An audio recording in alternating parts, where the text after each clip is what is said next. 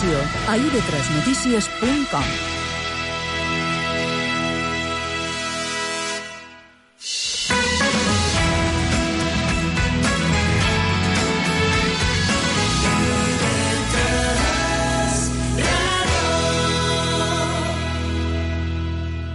Este es el manuscrito en el que el fraile consignó la historia del caballero.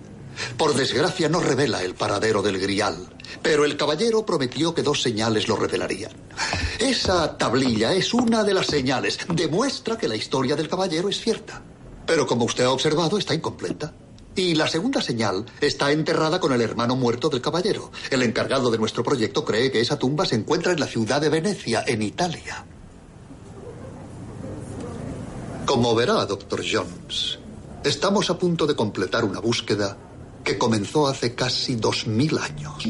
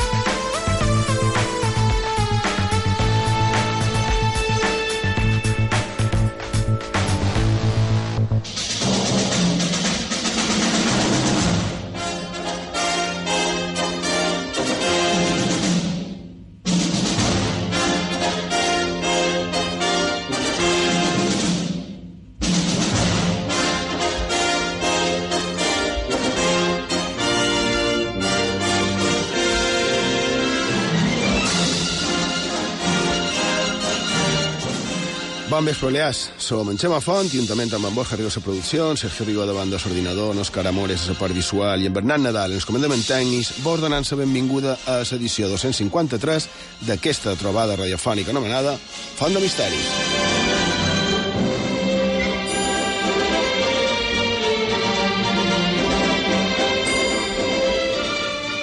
Borja Rigo, bon vespre. Bon vespre. Escoltant aquí una sintonia que sona com a molt èpica i que Molt tal... èpica i, i potser no ho és tant. Exactament, i a lo millor no ho és tant. És una bona manera de definir-ho. Uh, és d'una banda sonora d'una pel·lícula, D'una gran pel·lícula. d'una gran pel·lícula de, diguéssim que d'aventures. Sergio Rigo, bon vespre. Bon vespre, Xema. Anem molt carregats de, de material, jo crec que el millor seria fer sumar i començar. I en aquest programa 253 de Font de Misteris dedicam el programa a parlar de, del Sant Grial, el calce més famós de la història. Un objecte que hauria estat emprat per Jesús i que hauria arribat fins als nostres dies. Quina és la seva història? Què simbolitza? Per què va estar a les Illes Balears? Quines llegendes estan vinculades amb ell? A la darrera part del programa repassarem l'actualitat de la setmana molt diversos i llegirem i escoltarem els missatges dels oients a l'espai de xarxes socials. I a sabó, si us voleu fer arribar els vostres missatges, ho podeu fer de diferents formes a través de Facebook i Twitter cercant Font de Misteris i emplant l'etiqueta Font de Misteris i Vitres. També a través del WhatsApp del programa. El número de contacte és 659 1669 52. Ho repetim, 659 1669 52. També en el correu electrònic fontdemisteris arroba ivetresradio.com o Instagram, cercant Font de Misteris i Vetres. També ho sabeu, podeu escoltar tots els nostres programes en el servei a la carta d'Ivetres, a ivetresradio.com, a ivox.com i a fontdemisteris.com.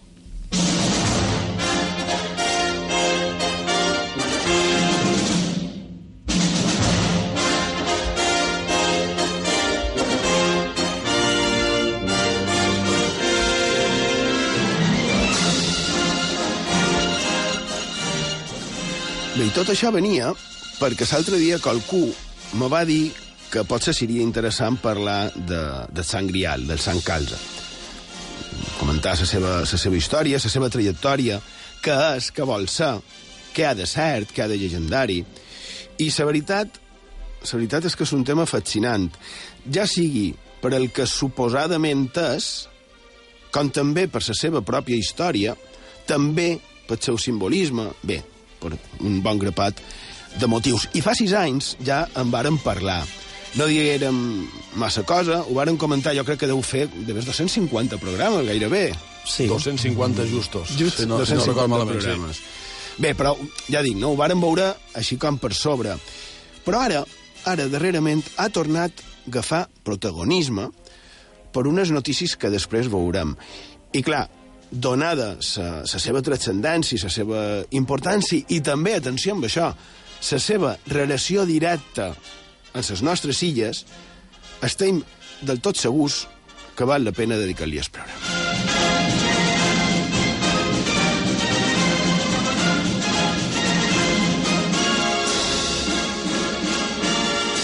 Així que avui, a Font de Misteris, el Sant Calze de la Catedral de València i la seva relació directa amb les nostres illes. Petita pausa i tot d'una continuem. A Font de Misteris, a Ràdio.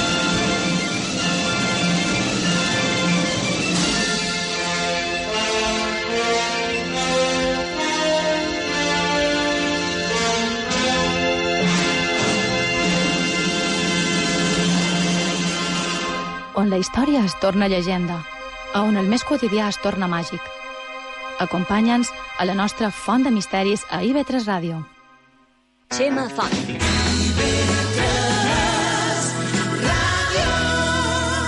Font de misteris. Des del cantó de Canostra que un agent de seguretat que estava vigilant això i és que passa que... fins als orígens de la immigració. El president de Gàmbia també deia que la homosexualitat s'ha de combatre com els mosquits que porten la malària. Amb humor. Pareixia que Santa Bàrbara seguia constipats. No? Rigor. La Pelagia Noctiluca, ja mos has parlat de la Velella. I filosofia. Marx diu que la història de la humanitat és la història de la lluita de classes. Feim alquímia de l'actualitat. I ens enrampam en l'entusiasme, la cultura i la vida. Si havia de tornar a obrir una llibreria, li tornaria a posar el mateix nom. Els capvespres a IB3 Ràdio procuram que tot tingui sentit. Amorcita! O no? De dilluns a divendres de 3 a 6, múltiples, amb Cati Mollà. No veig res. Aquí no hi ha ningú. Ets sí, mira, allà. Són flors! És increïble, són flors! Flors en el desert. Trobant persones que fan el món millor. Flors en el desert, amb David Oliver. Diumenge a les 9 del matí, a IB3 Ràdio.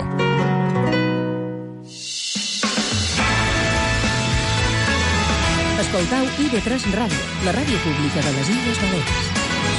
A Mallorca, 106.2.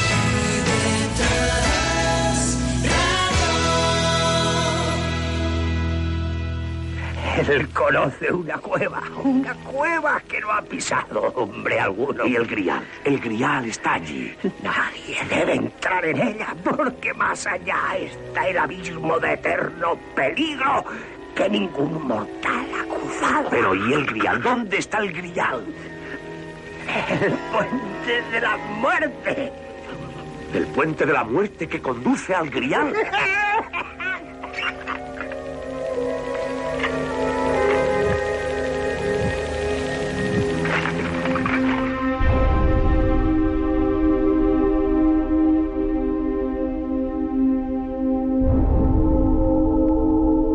Misteris i llegendes a Font de Misteris, amb Xema Font.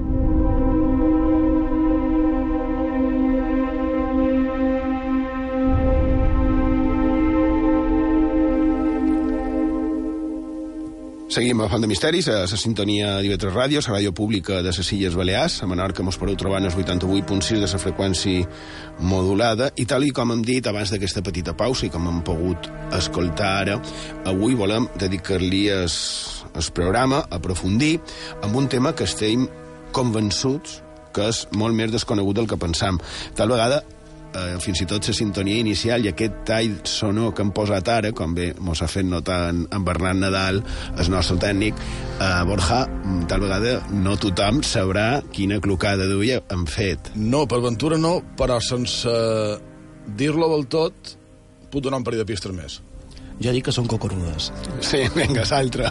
Vale, aquí ja tenim Vale. una. Ara podem xerrar també, si voleu, d'un d'un coní assassí. Per Sí. què no? Mira, i també parlarem d'Antioquia. Estem parlant, no venguis amb tant de romansos, estem parlant de Los Caballeros de la Mesa Quadrada, la pel·lícula dels Monty Python, que precisament fa referència a la llegenda de segle artúric. Eh? Curiós. perquè aquesta pel·lícula també, al igual que el primer tall que hem escoltat, també parla del mateix objecte. Perquè segons per aquí no és més que això, un objecte. Per altres, ja és qualque cosa més, ja és una relíquia, que per cert, seria de les més importants, i per uns altres també és una manera encoberta de parlar d'un simbolisme que seria d'allò més transcendent. I sí, encara que siguin tan diferents, i a part de també altres coses que podria representar, però així a, a la grossa, totes aquestes són el que, el que podria representar o simbolitzar l'objecte del programa d'avui. Perquè avui a Font de Misteris volem aprofundir amb el conegut com a Sant Grial, Sant Calze o el Beneit Copó.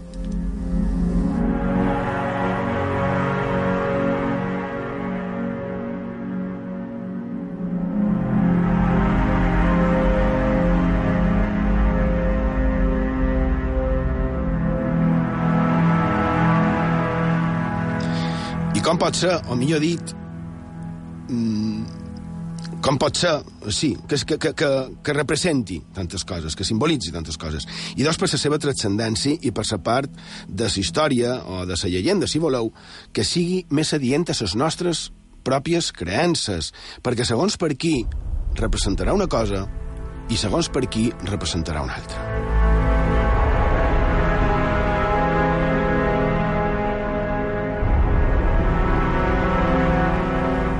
Precisament també per aquest motiu, per aquesta disparitat, hem triat aquests dos talls, el tall seriós, el tall eh, graciós, simpàtic de, dels Monty Python. En qualsevol dels casos, davant d'això, d'això mm, particularment, estem amb el tema del cristianisme. I dic amb aquest perquè altres religions, altres cultures, també tenen tassons, perquè al cap a la fi no deixa de ser això, un tassó. I de, a altres religions entenen també com a objectes principals en els, en els seus ritus. Per exemple, a l'antiga Índia, on el, tassó, segons la professora de la UNED, Teresa Román, el tassó seria imprescindible. Diu, quedó como elemento imprescindible de todo ritual hindú en que se cumpla la bhana, el descenso de la esencia divina al proyectarse, instalarse en un objeto o en una estatua. Dicho descenso se produce ante todo en el plano celeste y baja luego al vaso, pasando por la mediación del que oficia el sacrificio. No vos recorda res? Mm? A més, diu, se produce en el plano celeste y baja luego al vaso, pasando por la mediación del que oficia el sacrificio. Eh? Es es calza, es copó, com a símbol, com a símbol importantíssim a moltes de les religions arreu del món i, i arreu de la història. Però aquí, més a prop, amb aquests noms que, que, que he dit, estarien davant de qualque cosa relacionada, relacionada directament amb Jesús, el Nazaré, aquell que, que dona origen en el cristianisme. I és, aquesta és una de les relíquies, o ja dic, tal vegada un simple objecte o una idea però en qualsevol cas, de les més importants relacionades amb ell.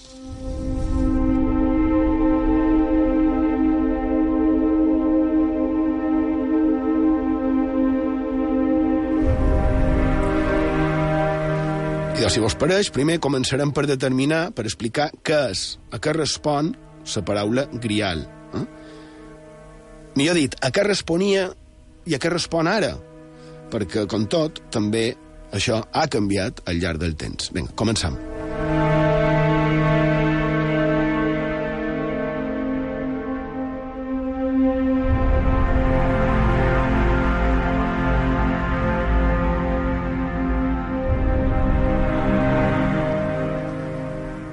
Evidentment, jo crec que podem dir que el primer que se'ns ve en el cap amb el sangreal és la història clàssica d'aquesta relíquia, que ens diria que fa de ves 1986 anys, en el darrer sopar de Jesús, a ca qualque potentat poderós de Jerusalem, pot ser que fos a can en José d'Arimatea, o d'un altre, i en aquest sopar se va emprar una copa que ell, en Jesús, va consagrar i en la que va fer el ritus eh, eucarístic. És allò que a dia d'avui es diu a la missa De, igualment, havent sopat, prengué el calze, i novament, donant-vos gràcies, el passant el seu deixebles tot dient, preneu i bebeu tots, que aquest és el calze de la meva sang, la sang de l'aliança, nova i eterna, vessada per vosaltres i per tots els homes en remissió dels pecats. Feu això que és el meu memorial.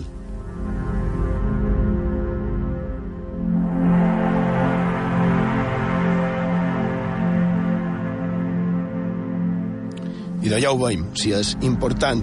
Que, per cert, vos heu fixat que es diu que és la sang de l'aliança nova i eterna, mm? a part del tema de la sang i de, i de que sigui el seu memorial. Però a quina nova aliança deu fer referència?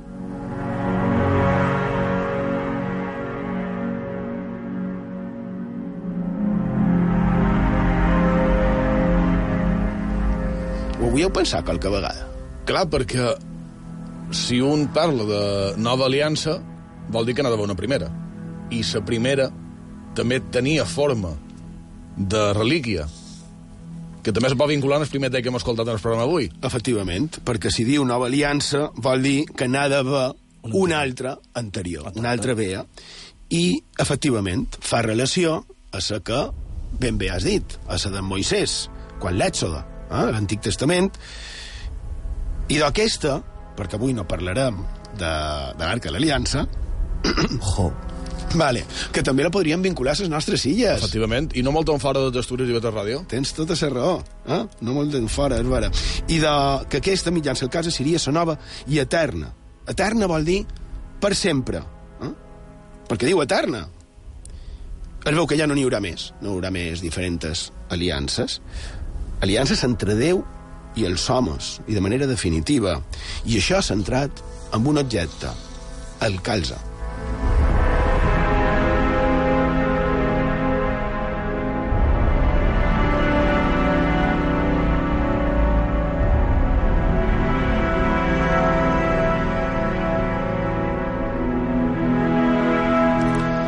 Calze vol dir el mateix que copa. Així, tenim que es calze és la copa que es va emplear en el darrer sopar i que també es coneix com a grial o com graal. Eh? Després d'això, es suposa que en José de Raimatea, si és que era l'amo de sa casa, se l'hauria quedada perquè era seva, així que, si és seva, per què no guardar-la? Ell, que era seguidor de Jesús, tal vegada va poder observar el ritus que amb aquella peça feia el Messias, amb els seus deixebles, i, i la importància que li hauria donat no? en, eh, en el simbolisme del tassó. Així que ell es suposa que l'hauria guardada. Però no acaba aquí, perquè després ell mateix, en José d'Arimatea, que també va ser que li va donar sepultura en el cos de Jesús, que després ressuscità, és a dir, que tenia molta relació amb ell, i de, qui diu que aquella mateixa copa, aquella i no una altra, hauria estat emprada també per depositar part de la sang de Jesús vessada a la creu.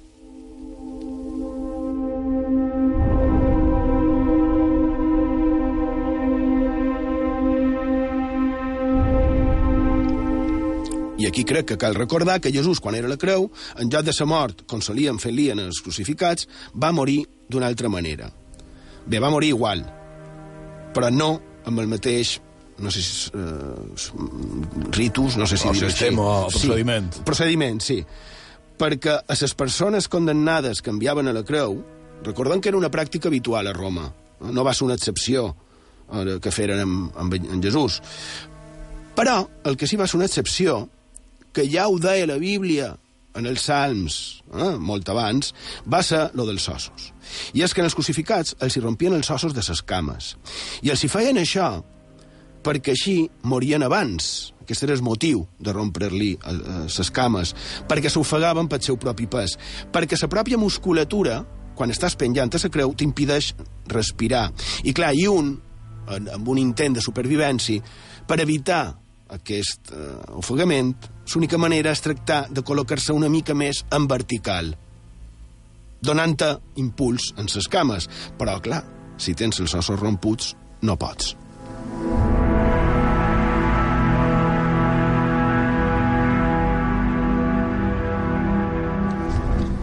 Però ell no li feren així, com deia, que ja deia, eh, que ja ho havia dit abans la Bíblia en els Sants, com a profecia, i clar, com no li van fer això, va aguantar més temps, viu, allà a la creu, asfixiant-se a poc a poc, fins que en el final morí. I un soldat, anomenat Longinos, li clavà la seva llança en el costat. I d'aquella ferida va començar a brollar aigua i sang i aquí vendria una altra vegada en José de Matea que recolliria aquesta sang amb, com, com hem dit, el mateix recipient, la mateixa copa que era la que havia emprada per darrer sopar i que es coneix com a sangrial.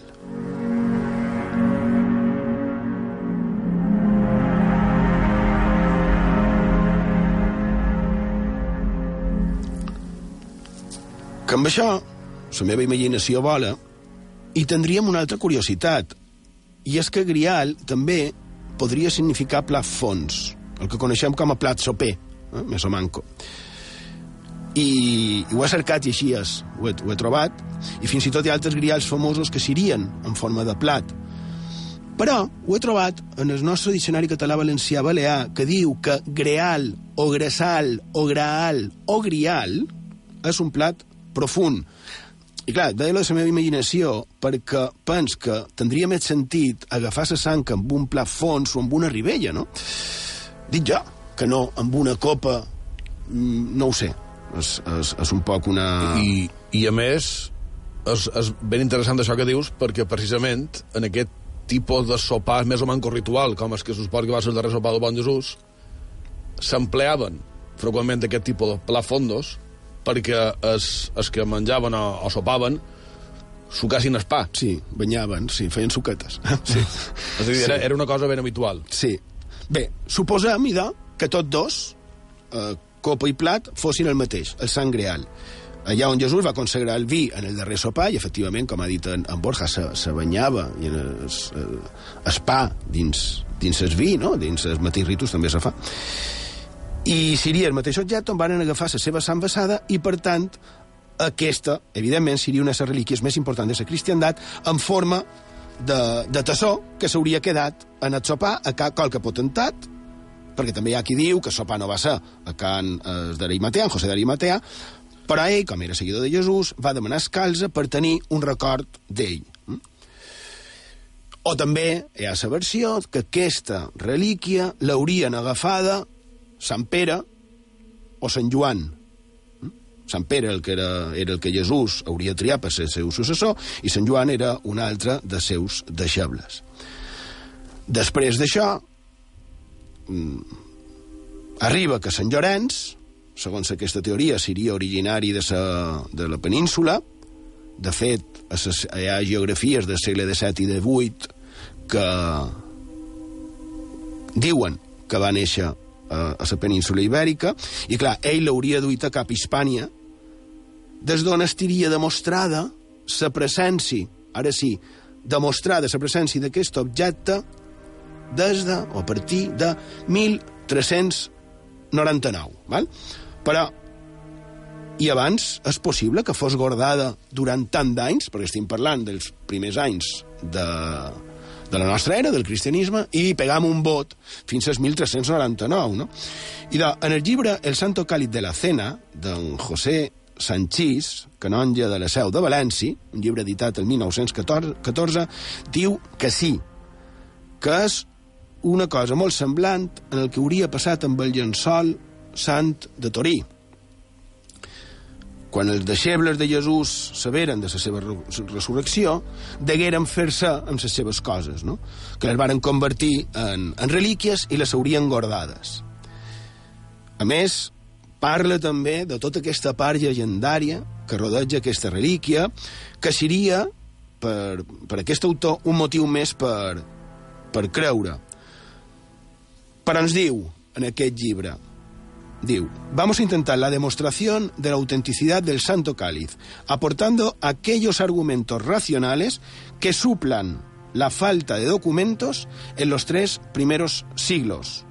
Així que ja sabem, ja tenim clar, que els tres primers segles no sap res d'aquesta relíquia, però aquest senyor deia que ho suplirà estudiando los instrumentos escritos que la tradición confirma, relacionando el elemento informativo de la mayor parte de la literatura caballeresca con lo que cuentan las crónicas e historiadores, y finalmente poniendo de manifiesto lo que se deduce de los documentos auténticos que se conservan, de la fuerza demostrativa que da un culto continuado y consentido por pontífices y prelados, que nunca ha sido puesto en duda, y del hecho de que no exista razón alguna en contra de la autenticidad de la relíquia. Això és el que va dir aquest senyor. Motius que dia d'avui crec que no m'equivoc si dic que no semblen una base massa sòlida. No. Jo crec que... Eh? no. O sigui, també...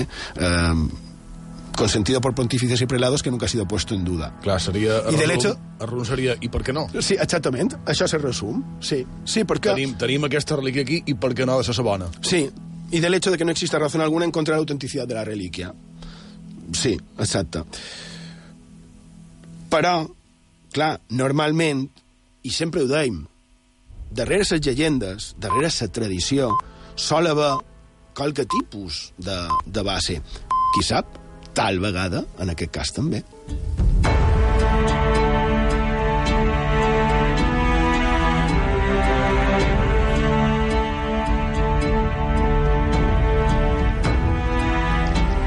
La descripció que ens fa l'autor damunt d'aquest grial específic és el de València.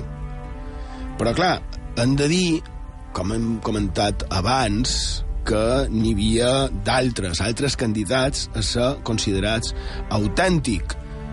Hem parlat d'Antioquia, Borja Rigo, parla del grial d'Antioquia. I doncs sí, dins el fascinant enigma del Grial, n'hi ha, com deia un moment, un bon grapat que han estat a qualque moment de la història considerats com autèntics. El manco amb molt de punts per poder considerar que siguin així. I un exemple, efectivament, seria el Grial d'Antioquia. Quina és la seva història? I de bé, per començar, és una copa de plata llaurada que pertany en el Museu Metropolità de Nova York, concretament a la col·lecció Cloister.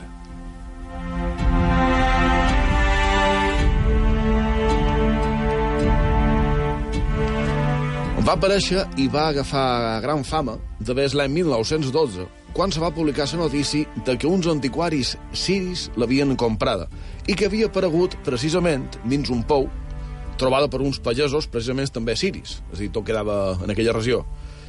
Era, és, una copa doble. L'interior, que seria la que hauria emprat el, el bon Jesús de resopar, i l'exterior en gravats dels Messies i dels seus deixebles alguns detalls de- d'aquests gravats, com apuntava, per cert, del diari El País l'any 85, 1985, que és quan va perdre crèdit aquesta copa, ara ho explicaré, de, de lo següent.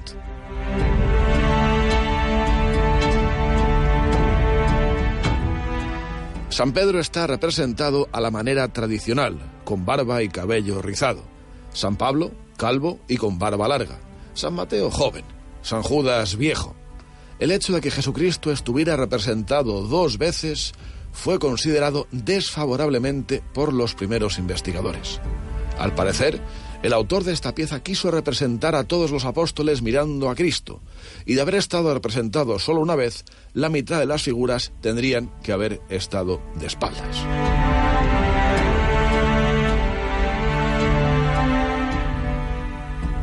Això apuntava el diari, i és en aquest moment quan, de, quan la relíquia, que havia agafat encara molt, molta més fama en els anys 20 i 30 de, del segle XX, va ser sotmesa en els anàlisis del carboni 14 per tractar de datar-la adequadament en els temps. El resultat va ser desesperançador per tots aquells que confiaven que la copa fos la, verdadera copa de Crist, ja que les dates que se varen exposar, que ara si ho penses fredament, si uno pensa fredament, lo millor coincideix amb això que apuntava fa un moment. Les dates diuen que aquesta copa se va fer, se va crear entre el 350 i el 500 després de Crist.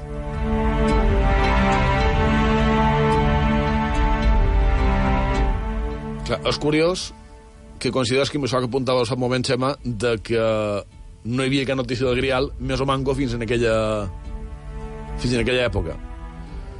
Clar, lo del carboni 14 podria ser una prova definitiva, però és que en realitat, i això en Sergio estirà d'acord com a historiador, Totalment d'acord.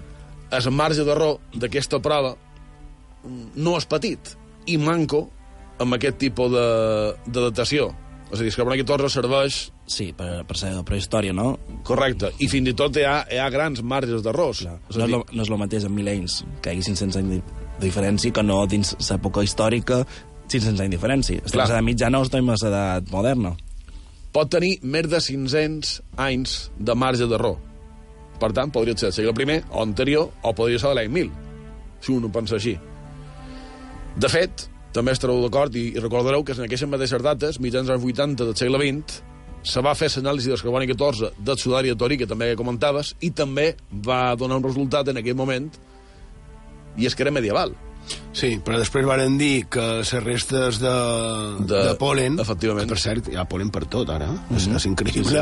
Uh, les restes de polen era de, dels primers um, anys de, de la nostra era. De, Clar, i estaven ubicats precisament a Terra Santa. A més, I a sí. més, no fa tant d'anys, ja se va desmentir la validesa d'aquesta anàlisi i ja se va, se va acceptar que la tala és del primer és del segle segle, I. sí. En qualsevol cas, i tornant en el, en el copó d'Antioquia, aquest fascinant objecte està exposat en el Museu Metropolità de Nova York, per si qualcú té ocasió. Ho sé. sé que ho saps. I, oficialment, el manco és fals.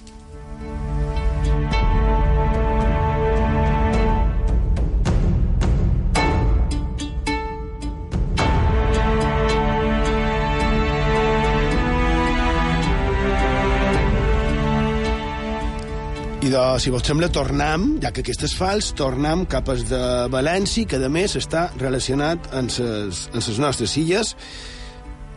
I tu has fet la descripció d'aquest, i de la descripció de, des de València, segons el llibre citat abans, diu, tiene 17 centímetros de altura, desde el punto de vista artístico es una obra notable. Consta de una copa desnuda de toda guarnición sobrepuesta, de forma semiesférica, del tamaño això de una naranja grande, estem parlant de Valenci, de una naranja grande, con un diámetro de 9 centímetros, la vara con su nudo, que mide 7 centímetros, y las dos asas, que naciendo del extremo de la misma, llegan hasta la base de la copa, son de oro purísimo, con diferentes y primorosos adornos burilados de exquisito gusto griego que denotan su gran antigüedad. El pie tiene la forma semioval, siendo la elipse de la base 14 por 6 centímetros, el que está guarnecido alrededor y medios de oro purísimo con 26 perlas finísimas del grueso de un bisalto, dos rubíes y dos esmeraldas de gran valor. Estos adornos del pie nos parecen sobrepuestos y obra de los siglos XIII o XIV.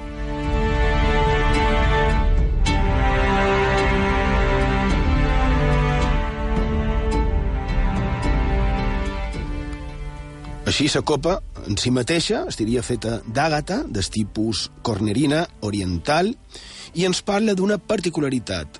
Su color rojo oscuro es tan especial que introduciendo en el interior de la copa una luz aparecen en su transparencia visos de varios matices, con todas las coloraciones del iris, claros, encendidos y oscuros.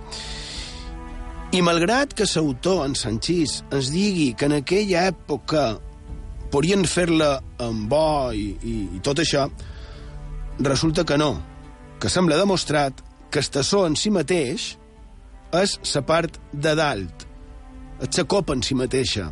Després, tot el que ha afegit de metall, d'orfebreria, de pedreria, s'hauria afegit amb el temps. I si la d'Antioquia, que mos ha dit en Borja, la tenim ubicada a Nova York, aquesta també, com hem dit, la tenim ubicada, ubicada a la seu de València des de 1437. Fins al segle XVII la tenien amagada, després la treien en processó, fins principis del segle XIX. I a més, també tenien una festivitat anomenada el Dia de la Sant del Nostre Senyor, que també, vaja, quin, quines diades, no? Però, bé, que a més, com no podria ser d'altra manera, també tindria miracles mm, al darrere no? d'aquesta festivitat. Un d'ells, per exemple, ho resumiré perquè no és el tema d'avui, però té, té la seva, entre cometes, gràcia. I doncs, en aquest cas, a Mislata, a València, ja dic, eh, ens narra com un criat havia d'anar a fer les feines en el camp i se li va aparèixer el seu l'amo, el seu amo, però que era mort de feia temps. I li diu que res de fer feina, que cap a cases. Ell va cap a cases i li diuen que no, que no, que a fer feina. I el seu amo li torna a aparèixer, li torna a dir que tornés cap a casa perquè avui en el cel li deia avui no volem que es faci feina perquè avui és festiu, que és el dia de la Sant de Crist i li diu torna a casa i perquè et creguin digués que avui, després de sis mesos, aniràs meu fill a visitar-vos. I que més també es produiran prodigis. Bé. I, I segons consta un d'aquests llibres vells, va haver el que actualment diríem fenòmens poltergeist.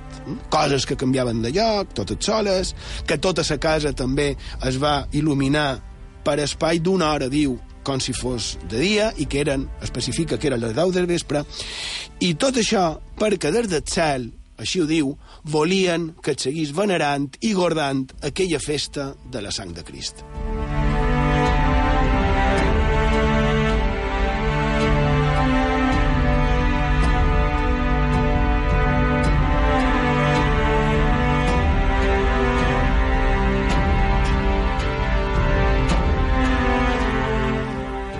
festa relacionada, clar, amb el, amb el grial. Però anem a veure què es pensa de manera oficial del seu origen. De manera oficial, segons aquest llibre d'aquest canonge, afegit també altres llibres i publicacions i també la versió oficial actual. Se, se tracta de demostrar des de l'origen, no? analitzant totes les les dades. Per exemple, qui era l'amo de la casa on es va celebrar el darrer sopar, i bé, per exemple, amb això resum que la conclusió és que fos qui fos havia de ser ric i per això es calza seria ostentós. No pel bon Jesús, sinó per l'amo de la casa, on s'hauria fet. Aquest canonge també ens diu que un pi mort el conegut com a Messias, els seus seguidors foren perseguit i que el més probable fos que s'enduguessin les coses relacionades amb, amb el mestre i que se les quedés la Mare de Déu, que li donassin a ella, que era la mare, y segueix. Muerta esta señora, como asistieron a su tránsito los santos apóstoles y discípulos, es muy natural que se debieron repartir entre sí sus reliquias y las que poseía de su sagrado hijo. Y entonces, San Pedro, como cabeza de la iglesia, se debió llevar el cáliz a Roma. Així ho diu. Un pique ja, en temps de, del papa Six II, això era mitjans del segle III, i doncs, en aquest temps l'emperador de Roma, en Valerià, comença una d'aquelles persecucions terribles que, que es duien a terme, en aquest cas contra els cristians. I quan eh, el papa en Sixt era duit a ser torturat, Sant Llorenç agafaria la copa sagrada i l'envia cap a Hispània. Eh? Això era prop de l'any 260. I la seva destinació va ser Osca, a Aragó, perquè diuen, abans he dit que, era, que havia nascut a la península, i deien que el propi Sant Llorenç era d'allà. I a les muntanyes pirenaiques es varen refugiar els cristians, també se van refugiar els cristians, quan l'arribada dels musulmans. I aquesta peça es va tornar a amagar l'any 713 i des d'allà mateix conta la llegenda que des d'allà mateix va ser començada l'anomenada Reconquesta.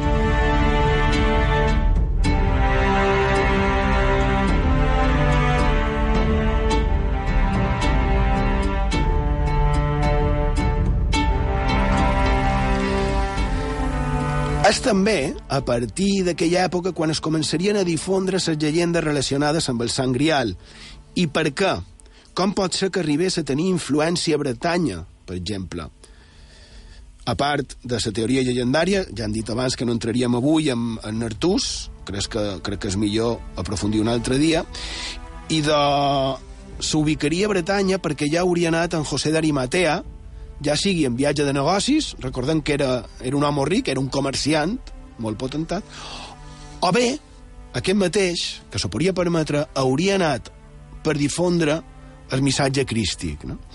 Però la part més suposadament històrica ens diria que un dels motius podria ser que quan en Carlemany es va atracar per la península i per les illes, eh? però en aquest cas per la península, per aturar la banda dels sarraïns, hauria estat pels Pirineus i hauria tingut coneixement d'aquesta relíquia que estaria, segons certes llegendes, custodiada per enigmàtics cavallers templers i que un pic comprovada la seva realitat la realitat d'aquesta misteriosa relíquia, el propi Carlemany i, i els que amb ell eren, a part de respectar-la, hauria aprofitat per donar difusió per tot arreu, perquè és en aquelles mateixes muntanyes on l'amagaren a una cova. I va volar la casualitat o el propi poder sobrenatural de la relíquia que els serraïns, durant cinc, cinc segles, eh, no la trobessin, però sí que ho va trobar de miracle, mai millor dit, un que fundà ja un monestir, on des de l'any 1134 estaria ubicada aquesta peça, no? escalça. Després d'aquell monestir que es deia, es diu Sant Juan de la Peña, li donen... mm, Bé, no, li, li, ven- no li donen, li venen a canvi de d'un calzador i li venen en en Martí l'Humà, rei d'Aragó i també rei de Mallorca, eh? perquè ell, en Martí, al contrari del seu predecessor, eh, que aquesta història mos agrada, mos agrada molt... La història d'en Joan I el Caçador, Efectivament, eh? eh i d'en que Martí... volia caçar dos bes. També. Ho deixarem aquí? També, sí, perquè, perquè era així. En Martí no volia confiar en aquestes coses de màgia o d'estranys ritus, però no volia confiar en aquelles, però sí que volia relíquies. Eh? Per una banda, sembla que no creia massa en cons d'unicorni o com donava a entendre en Borja en l'alquímia, però sí en relíquies. Bé, així que en la col·laboració, és que és, entrevessada, que és fascinant aquesta història, en la col·laboració del papa Lluna, Un papa altre. d'Avinyó, Un altre catal. efectivament, Benedicte XIII, antipapa, eh, antipapa, segons alguns, i de va manar que la compressin. Era l'any 1399. I després, el 1437, això probablement ho va manar, no en fos cinquè, però en qualsevol cas, el 1437, sigui per un o per un altre, ja estaria ubicat a escalza a la catedral de València, un objecte en forma de tassó, de copa, d'or, amb un tassó que tindria propietats màgiques o miraculoses, depèn de qui ho digui. Propietats de sanar, de donar setana joventut, de vestir de sostén, també. I també el rei Martí no creia en alquimistes, però també aquesta relíquia seria com la pedra filosofal. En resum, un objecte de poder capaç, fins i tot, de desestabilitzar el món.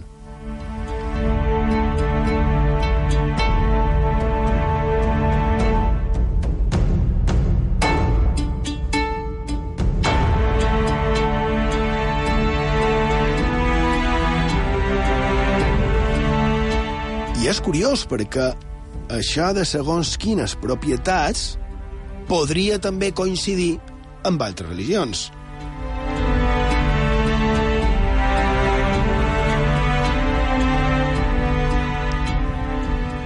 Seria una de les altres qüestions interessants que enredolten la relíquia. Però seguint, que encara no hem acabat amb aquesta relíquia valenciana. Eh? Resulta que des de l'any 1437 fins als nostres dies no hauria sortit de la catedral més que per fer processons i per un altre motiu. Guerres.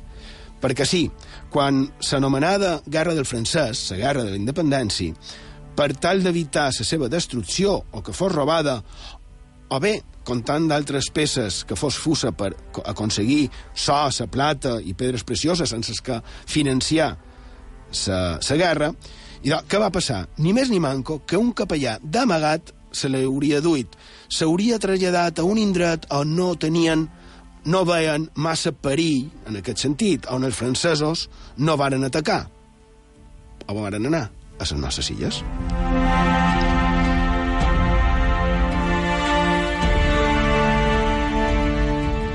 Sí, el Sant Grial, el conegut com l'autèntic Grial, hauria estat per les nostres illes. Primer, s'hauria enviada en el castell d'Alacant, l'any 1809. Després, a Eivissa i finalment a Mallorca. Es va fer, tot això, amb la intenció de salvar tots els tresors de la catedral de València dels francesos. Sí, és cert, però també per salvar-la del propi govern. Mm? I aquí, aquí, el que m'ha cridat l'atenció són les poques referències escrites que ha referides en aquest viatge cap a les illes. Al manco jo n'he trobat poques. Me dóna sensació de que és com si es volgués amagar o es volgués dissimular. No ho sé, eh? és una sensació que me dóna. Però, malgrat això, el que sí, sap, sí se sap és que foren enviades les relíquies i peces valuoses de la catedral valenciana cap a Eivissa. Però el canonge que les duia va morir, va morir a Eivissa. Un senyor que es deia Bertran. Això era l'any 1811. I d'allà, un altre capellà hauria anat a Mallorca en les relíquies, però amb aquesta separada i amagada, ja que qui era el seu depositari oficial, com he dit, havia mort. De fet, va ser enterrat eh, a Eivissa Vila, i aquesta altra va fer bé en amagar-la, perquè en el final la majoria de les joies que duia varen ser fusses, però aquesta no. Aquesta va sobreviure. I l'any 1812 tornen aquesta i poca cosa més d'aquell trossó valencià, tot el que va quedar torna a València.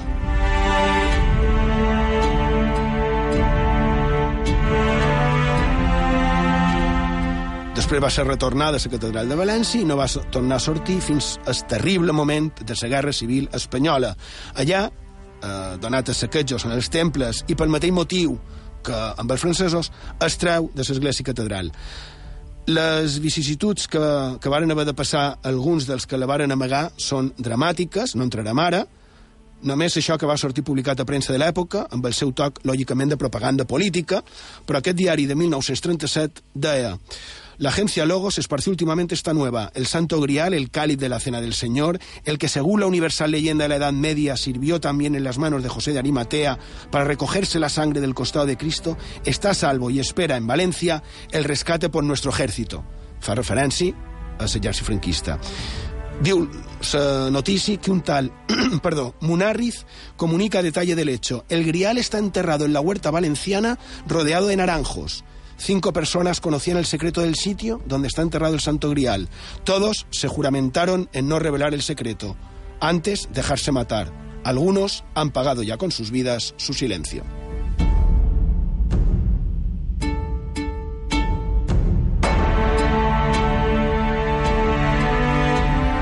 Terrible, clar. I un pic acabada la guerra, el retornen a l'església i després el a la catedral i després ja estaria ubicada a on la tenim ara. Tan important és aquesta relíquia com perquè les visites a Espanya de Joan Pau II i Benedicte XVI l'haguessin emprada per la celebració de les seves eucaristies, tractada com un objecte real, aquell sang grial.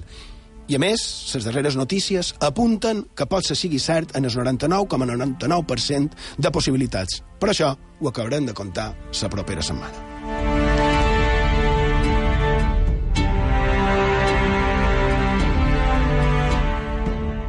Misteris i llegendes a Font de Misteris, amb Xema Font.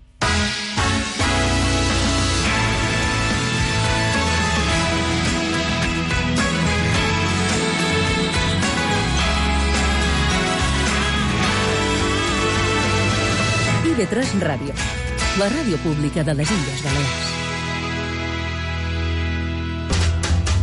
A la Gran Vida sortim al carrer a cercar les veus, els projectes, les emocions, les paraules que fan que tot tingui sentit. Perquè, de vegades, la cultura pot salvar-nos la vida. La gran vida, a IB3 Ràdio. Cada dia, quan manquen 5 minuts per les 9, mirant l'actualitat des d'una altra perspectiva. Por parte de las fuerzas y cuerpos de seguridad del Estado no hubo ninguna carga policial. Claro que sí, guapi. Golpe a golpe. Jo faré el mateix que aquest home, au, ja és home. Ah, ja. però què fa? Per què em pega ara? S'equivoca de mig a mig. Fueron encarcelados por un delito que no habían cometido. Oh, oh, això sí, fueron encarcelados por un delito que no habían cometido. El equipo... Independencia. Ah. Mateu, baixa el helicóptero. Ara no te posis a cantar, hombre, mana. Mana, que és lo important. Me encanta que los planes salgan bien. La Picolíssima. A l'informatiu matí d'IV3 Ràdio. IB3 Ràdio. És història.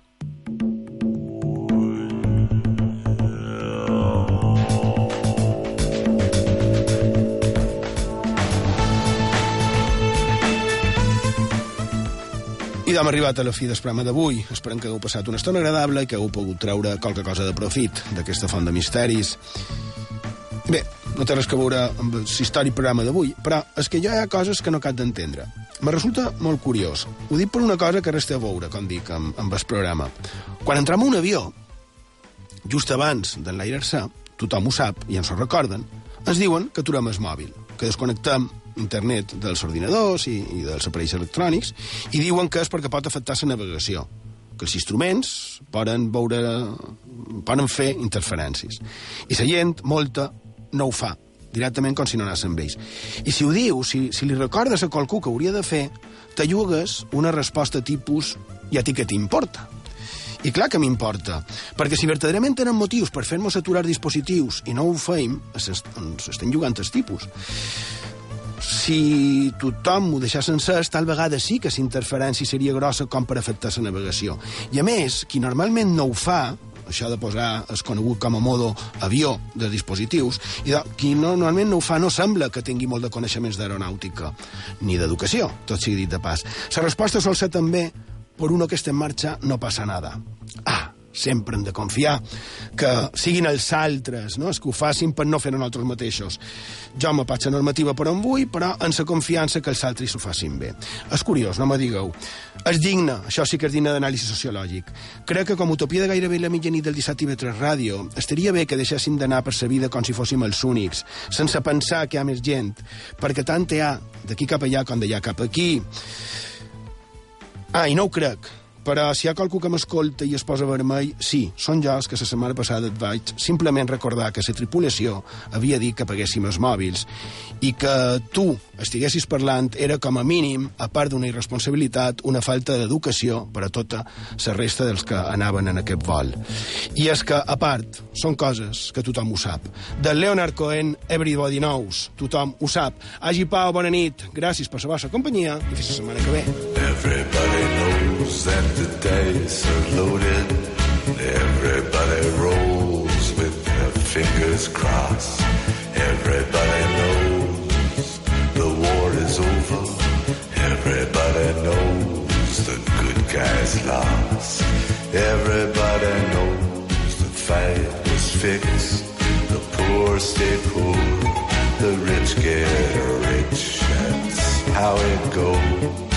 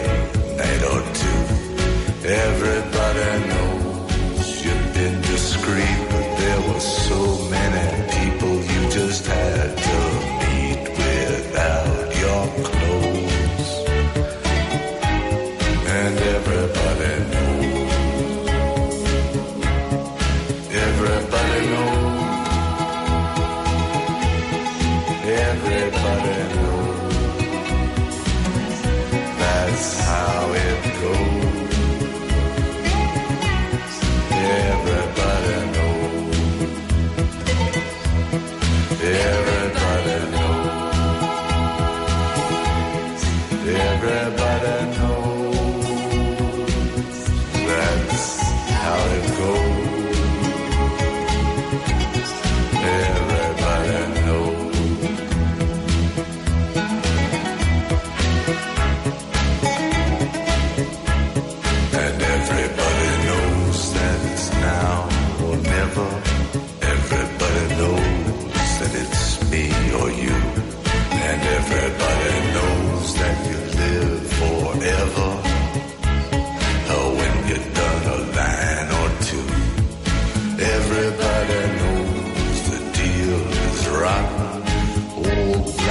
Joe still picking cotton for your ribbons and bows. And everybody knows. And everybody knows that the plague is coming. Everybody knows that it's moving fast. Everybody knows that the naked man and woman are just a shining artifact of the past. Everybody knows the scene is dead, but there's gonna be a meter on your bed that will disclose